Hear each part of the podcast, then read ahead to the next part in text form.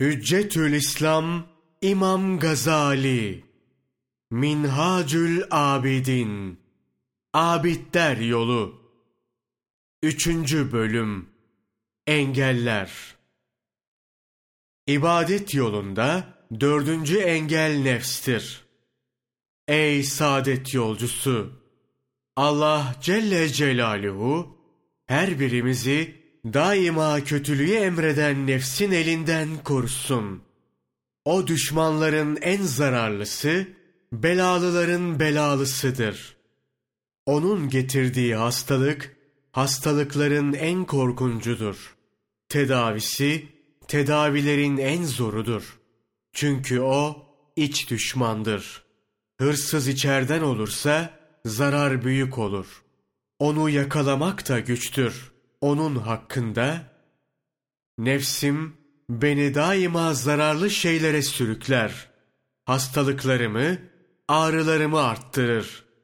Kemiklerime gizlenen bu düşmandan ben nasıl kurtulabilirim? Diyen gerçekten doğru söylemiş. Nefs düşmandır. Fakat aynı zamanda insanın sevgilisidir. Kişi ise sevdiğinin aybını görmez. Nitekim söylenir. Sevdiğin, hoşlandığın ve kardeş saydığın kişilerin aybını göremezsin. Hoşnutluk, ayıplara karşı körlüktür. Hoşnutsuzluksa ayıpları meydana çıkarır. İnsan, nefsinin işlediği her kötülüğü iyi görür. Hiçbirini ayıp saymaz.'' Halbuki nefsi düşmanlık yapmakta, onu felakete sürüklemektedir. O bundan habersizdir. Bu durumda olan birisini nefsinin elinden ancak Allah kurtarabilir. Ey insan! Eğer yaratılıştan bu yana işlenen suçlar, günahlar, cinayetler, rezaletler üzerinde şöyle bir düşünürsen, bütün bunlara sebep ya doğrudan doğruya veya bil vasıta nefsin olduğunu görürsün. Allah'a ilk isyan bayrağını çeken iblistir. İblisin isyan etmeden önce 80 bin senelik ibadet hayatı vardı. O zaman ne dünya vardı, ne insan, ne de şeytan. Başlı başınaydı. O halde onu kim sapıtmış olabilir? Cevap, nefstir. İkinci isyan, Hazreti Adem'le Hazreti Havva'dan geldi. Allah'ın selamı her ikisinin de üzerine olsun. Nefsleri ebedi hayat ve ölümsüzlük hırsına kapıldı. İblisin de yardımıyla Allah'ın yasak ettiği şeye yaklaştılar.'' Nefsin ihtirası yüzünden Allah'a karşı gelmiş oldular. Böylece Rablerinin yanından kovularak bu sefil dünyaya atıldılar. İşlenen günahlar zincirini takip edersek, nefsin hasettiği yüzünden meydana gelen Habil, Kabil kardeşler hadisesini, yine nefsin şehvet perestliği yüzünden vuku bulan Harut, Marut hikayesini görürüz. Kısacası bugüne kadar olmuş ve bundan sonra olacak hiçbir masiyet, hiçbir sapıklık yoktur ki onda nefsin parmağı olmasın. Eğer bu nefse uymalar olmasaydı, mahlukat mutluluk içinde olacaktı. Düşman bu kadar korkunç olunca, aklı olanın ona karşı alacağı tedbir de büyük olmalı.'' Hidayet ve basiret Allah'tandır. Sual Bu korkunç düşmana karşı alacağımız tedbirler nelerdir? Açıklar mısınız?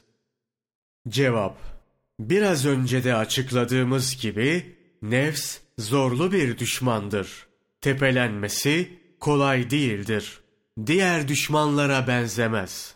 Çünkü aynı zamanda insanın bineğidir onsuz olmaz. Bir göçebe Arap birisine hayır dua etmiş. Allah nefsinden başka bütün düşmanlarını öldürsün demiş. nefsle düşman olmakla beraber o ölünce insan da ölür. İşte onu tepelemenin güçlüğü buradan gelmektedir. Nefsin açtığı zararlar çok büyük olduğundan bir defacık olsun ihmali doğru değildir. Hayırlı işler yapılmasına tahammül edebilmesi için terbiye etmek ve kuvvetlendirmek, azgınlık göstermemesi için de zayıflatmak ve hapsetmek gerekir. O halde güç bir hastalığın tedavisiyle karşı karşıyasın. Onu yola getirmenin çaresini daha önce söylemiştik. Mahlukata zarar veren her hareketten kaçınmak suretiyle nefs gemlenmiş olur. Sual Fakat nefs azgın ve zorlu bir hayvandır. Gemle yola getirebilmek için ne gibi çarelere başvurmalıyız? Cevap Haklısın. Gerçekten nefs azgın bir hayvandır. Gemle itaat altına alabilmek için onu daima tahkir etmek gerekir. Ancak o zaman uslanır. Alimlerimize göre bu azgın hayvan üç şeyle uslandırılabilir. 1. Yemini azaltmak, meşru olmayan isteklerini reddetmek suretiyle. Zira azgın hayvan ancak yeminde kısıntı yapılmak suretiyle uysallaşır. 2. Ağır yük yüklemek yani çok ibadet yapmak suretiyle. Zira azgın bir eşeğe az yem verilir, çok yüklenirse uysallaşır. 3. Nefsi uslandırma yolunda Allah'tan yardım talep etmekle. Şanı yüce olan Allah Celle Celaluhu Yusuf suresi 53. ayeti kerimede Yusuf aleyhisselamdan hikayeten buyurur ki Ben nefsimi temize çıkaramam. Çünkü o olanca şiddetiyle kötülüğü emreder. Meğer ki Rabbim esirgemiş ola. Eğer bu üç esası tatbik edersen Allah'ın izniyle nefsin sana itaat edecek, sen de onu zapt edip şerrinden emin olabileceksin. Sual Takva ne demektir? Açıklar mısınız? Cevap Takva aziz bir hazinedir. Sahip olabilirsen onda neler neler olduğunu göreceksin. Mücevherler, kıymetli taşlar, bol ve nefis yiyecekler, ganimet malları. Sanki dünya ve ahiret saadetini temin eden ne kadar faydalı ve iyi şey varsa hepsi bu hazinede toplanmış. Bak, takva hazinesine sahip olanlara nice hayırlar, nice mükafat ve sevaplar, nice saadetler verileceği Kur'an'da beyan ediliyor. Biz burada 12 tanesini sayacağız. 1. Takva sahibi olanlar övülüyor. Ali İmran suresi 186. ayeti kerime. Eğer sabreder, takva sahibi olursanız, şüphesiz bu, hadiselere karşı gösterilen bir azimdendir. 2. Düşmandan korunulacakları tekeffül ediliyor. Ali İmran suresi 120. ayeti kerime. Eğer göğüs gerer, takva sahibi olursanız, düşmanlarınızın hilekarlıkları size hiçbir şeyle zarar veremez. 3. Allah'ın yardımına mazhar olacakları vaat ediliyor. Nahl suresi 128. ayeti kerime. Şüphesiz Allah takva sahipleri ve iyilik edenlerle beraberdir. Casiye suresi 19. ayeti kerime. Allah takva sahiplerinin dostudur. 4. Sıkıntılardan kurtarılacakları ve helalinden rızıklandırılacakları ifade ediliyor. Talak suresi 2 ve 3. ayeti kerimeler. Kim Allah'tan korkarsa o ona bir kurtuluş yeri verir. Onu hayaline gelmeyecek bir cihetten rızıklandırır. Allah'a güvenirse o kendisine kafidir. 5. Amellerin ıslah edileceği vaat ediliyor. Ahzab suresi 70 ve 71. ayetin bir kısmı. Ey iman edenler! Allah'tan korkun ve sözün doğrusunu söyleyin ki işlerinizi düzeltip iyiye götürsün. 6. Günahların affedileceğine dair söz veriliyor. Ahzab suresi 70 ve 71. ayetin bir kısmı. Ey iman edenler! Takva sahibi olun. Sözün doğrusunu söyleyin ki, Allah işlerinizi düzeltip, sizi bağışlasın. 7. Kur'an'da birçok ayetlerde Allah'ın sevgilisi oldukları beyan ediliyor. Allah takva sahiplerini sever. 8. Amellerin kabul edileceği bildiriliyor. Maide suresi 27. ayeti kerime. Allah ancak takva sahiplerininkini kabul eder. 9. Allah yanında en yüksek değere sahip oldukları ifade ediliyor. Hucurat suresi 13. ayeti kerime. Şüphesiz sizin Allah yanında en şerefliniz, takvaca en ileri olanınızdır. 10. Dünya ve ahirette esenlikle müjdeleniyorlar.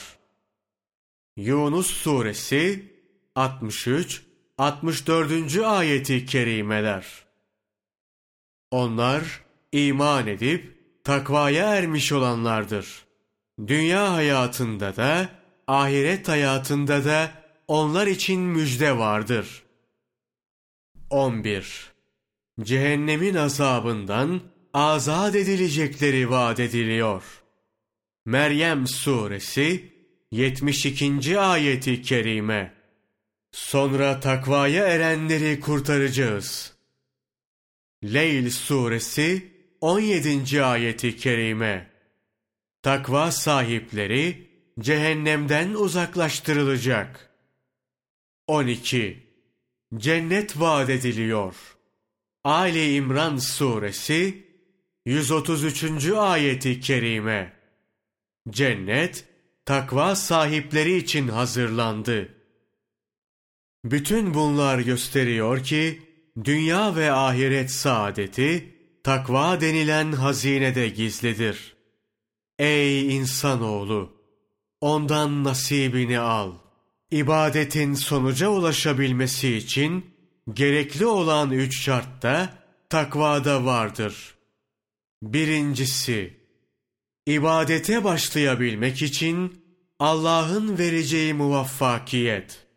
Kur'an'da buyrulur. Allah takva sahipleriyle beraberdir.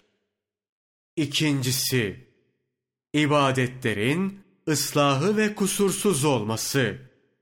Şanı yüce olan Allah Celle Celaluhu buyurur. Takva sahibi olun. Allah amellerinizi ıslah eder. Üçüncüsü, yapılan ibadetlerin makbul olması. Allah Celle Celaluhu buyurur. Allah ancak takva sahiplerininkini kabul eder. İşte yapılan ibadetler bu üç merhaleden geçtikten sonra değer kazanır. Önce Allah'ın tevfiki, Sonra kusursuz ibadet, tamam olunca da kabulü. Abidler bu üç şey için Allah'a yakarırlar. Derler ki, Ey Rabbimiz!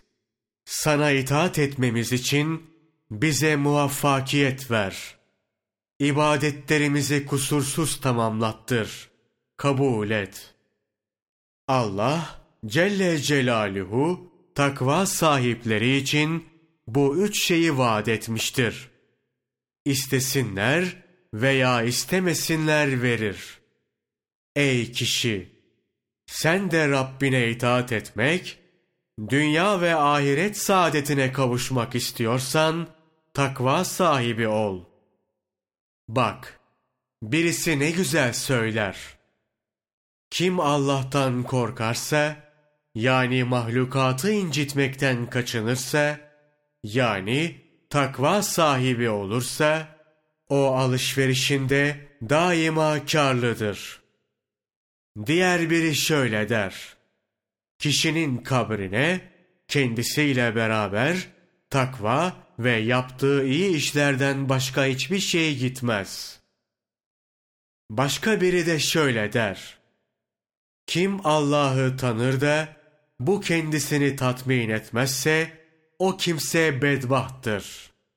Kişi zenginliğin verdiği görünüşteki efendilikle ne yapabilir?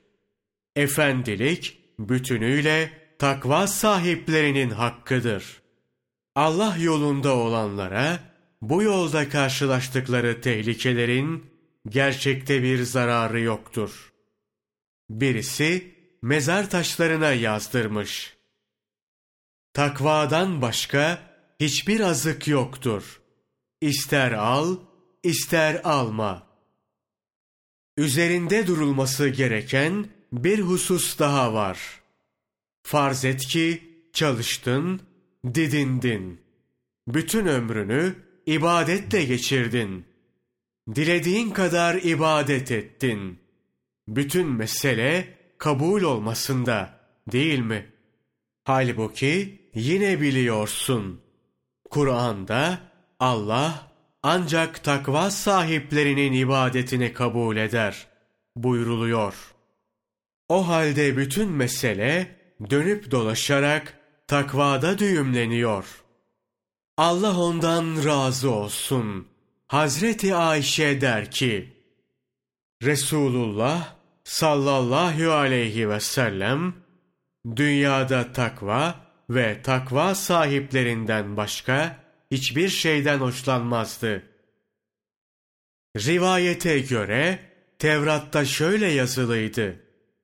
Ey insanoğlu! Allah'tan kork. Yani takva sahibi ol. Dilediğin yerde uyu. Yine nakledildiğine göre Amir İbni Kays ölümü anında ağladı. Kendisi her gün bin rekat namaz kılar, sonra yatağına gelerek, Ey bütün kötülüklerin mekanı! Allah hakkı için senden bir an bile hoşnut olmadım derdi. Bir gün yine ağlamıştı. Kendisine niçin ağladığı sorulduğunda, Allah yalnız takva sahiplerinin ibadetini kabul eder. Ayetini okudu.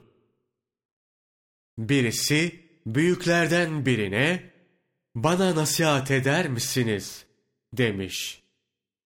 O büyük sana Allah'ın gelmiş geçmiş bütün insanlara yaptığı nasihatı yapıyorum demiş ve Nisa suresi 131. ayeti kerimeyi okumuş. Andolsun ki biz sizden önce kendilerine kitap verilenlere de size de hep takva sahibi olun diye tavsiye etmişizdir. Allah Celle Celaluhu kul için daha iyi olanı herkesten daha iyi bilmez mi? O merhametlilerin en merhametlisi, şefkatlilerin en şefkatlisi değil mi? Eğer dünyada kulları için takvadan daha iyi, daha faydalı, daha hayırlı ve daha değerli bir şey olsaydı, muhakkak onu tavsiye eder, onun yapılmasını emrederdi. Madem ki ilk insanlardan bugüne kadar herkese ısrarla takvayı tavsiye etti, o halde bunun içinde her türlü kurtarıcı öğütler, dünya ve ahiret saadetini temin edecek esaslar var demektir. İşte takvayı anlatan güzel sözlerden biri. Takva, efendiliğin ta kendisidir. Dünyayı sevmekse denaet ve yok olmaktır. Takva sahibi olan kimsenin hiçbir eksiği yoktur. İsterse üstü pejmürde olsun. Hakikati görebilen bu izahattan takvanın önemini anlar. Tevfik ve hidayet Allah'tandır. Sual Takvanın önemi anlaşıldı. Şimdi takvanın tarifini yaparak hangi manalara geldiğini ve tatbikatta nasıl olacağını anlatır mısınız? Cevap Alimlerimizce takva, daha önce hiç işlenmemiş bir günahtan kalbi temiz tutmak demektir. Böylece insan kalbini günahlarla karartmamaya azmetmiş olur. Takva ve vikaye kelimeleri aynı asıldandır ve korunmak manasınadır. Buna göre insanın kalbini günahlardan korumasına takva, bu kimseye de müttaki denir. Takva, Kur'an'da başlıca üç manada kullanılmaktadır. 1. Korkmak manasında. Şanı yüce olan Allah, Celle Celaluhu, Bakara suresi 41. ayeti kerimede buyurur. Benden korkunuz. Bakara suresi 281. ayette şöyle buyurur. Öyle bir günden korkunuz ki o gün Allah'a döndürüleceksiniz. 2. İtaat ve ibadet manasında Ali İmran suresi 102. ayeti kerime Ey iman edenler! Allah'a nasıl ibadet etmek lazımsa öylece ibadet edin. 3. Kalbi günahlardan temiz tutmak manasında. Takvada esas olan budur. Yani hiç günah işlememek suretiyle kalbi kirletmemektir. Şanı yüce olan Allah Celle Celaluhu buyurur. Allah ancak takva sahibi olanlarınkini kabul eder. Görüldüğü gibi bu ayette önce itaat, sonra haşyet, korkma, daha sonra da takva geçmektedir. Bundan anlaşıldığına göre takva, itaat ve korkmaktan başka şeydir ki, o da kalbi günahlardan temiz tutmaktır. Yine alimlerimizin açıkladıklarına göre takvanın üç derecesi vardır. Bunlar, bir, Allah'a ortak tanımaktan kalbi temiz tutmak. 2. İslam'a aykırı inanç ve ibadetlerden kalbi temiz tutmak. 3. Önemsenmez sayılan günahlardan kalbi temiz tutmaktır. Takvanın bu üç derecesi Kur'an'da aynı bir ayette geçmektedir. Maide suresi 93. ayeti kerime. İman edip güzel amellerde bulunanlar takva sahibi oldukları, imanlarında sebat ederek iyi işlere devam ettikleri ve takva gösterdikleri, sonra yine takva ile iyi şeyler yaptıkları takdirde, tattıklarında uhdelerine hiçbir günah yoktur. Bu ayette geçen birinci takva, şirkten yani Allah'a ortak tanımaktan takvadır. Kainatta tek tasarruf sahibi Allah'tır. Onun iradesi ve dileği olmadan hiçbir canlı hiçbir şey yapamaz. Bu birinci takvanın yanında geçen imandan maksatsa tevhid yani Allah'ın tasarrufta tekliğidir. İkinci takva, İslam'a aykırı inanç ve amellerden takvadır. Burada geçen imandan murat, ehli sünnet itikadının tasdikidir. Üçüncü takva, önemsenmez sayılan günahlardan kalbi temiz tutmaktır. Burada takvanın yanında geçen iyilikten maksatsa ibadet, itaat ve doğruluktur. Alimlerimizin takva üzerine sözleri bunlardır. Benim kanaatimce takva, helal olan şeylerde aşırı gitmekten, yani israfa kaçmaktan sakınmak manasına da gelmektedir. Nitekim Peygamberimiz sallallahu aleyhi ve sellem'den nakledilen bir hadiste şöyle buyrulur. Müttakiler çok kere mahzurlu bir şey yapmış olmamak için işlenmesi helal olan şeyleri terk ederler. Bunun için onlara müttaki denmiştir. Onun için takva denince bütün bu manaları göz önünde bulundurmanın daha iyi olacağını sanıyorum. Şimdi takvanın tatbikatını açıklayalım. Takva, dinin esaslarına zarar verecek her hareketten kaçınmaktır. Bunu perhiz etmekte olan bir hastanın durumuna benzetebiliriz. Perhizlinin hastalığına zarar veren her çeşit yiyecekten sakındığı gibi insan da dinine halel getiren her türlü davranıştan kaçınırsa takva sahibi olur. Dinin esaslarını çiğneyen fiilleri başlıca iki kısımda toplayabiliriz. 1. Sırf haram ve günah olan fiiller. 2. Aslında helal olduğu halde aşırılığa kaçılan fiiller. Nefs daima kötülüğe ve itaatsizliğe meyyal olduğundan, aslında helal olan şeylerde aşırılığa gidilirse, zamanla insanı günaha ve harama sürükler. O halde dinin hükümlerine saygılı olmak isteyen kimse, günah ve haram olan şeylerden ve helalde aşırı gitmekten kaçınsın. Günahların başlıca iki kısım olduğunu biliyoruz. 1. Aslında günah olanlar. Bunlar Allah'ın haram kıldığı ve yasak ettiği şeylerdir. 2. Aslında günah olmayanlar. Bunlar tedbir olarak yasak edilen şeylerdir. Helal sayılan fiillerde aşırı gitmek bu kısmı teşkil eder. Mesela sırf şehvet ve zevkü sefa için bol bol yiyip içmek gibi. Birinci kısım günahlardan sakınmak, derece bakımından takvanın en aşağısıdır. Çünkü bunlar esasen kesin olarak yasak edilmiştir. Kaçınmak mecburidir. İkinci kısım günahlardan sakınmak, derece bakımından daha yüksektir. Çünkü bunlarda kesin yasak yoktur. Kişi bir nevi kendi isteğiyle terk etmektedir.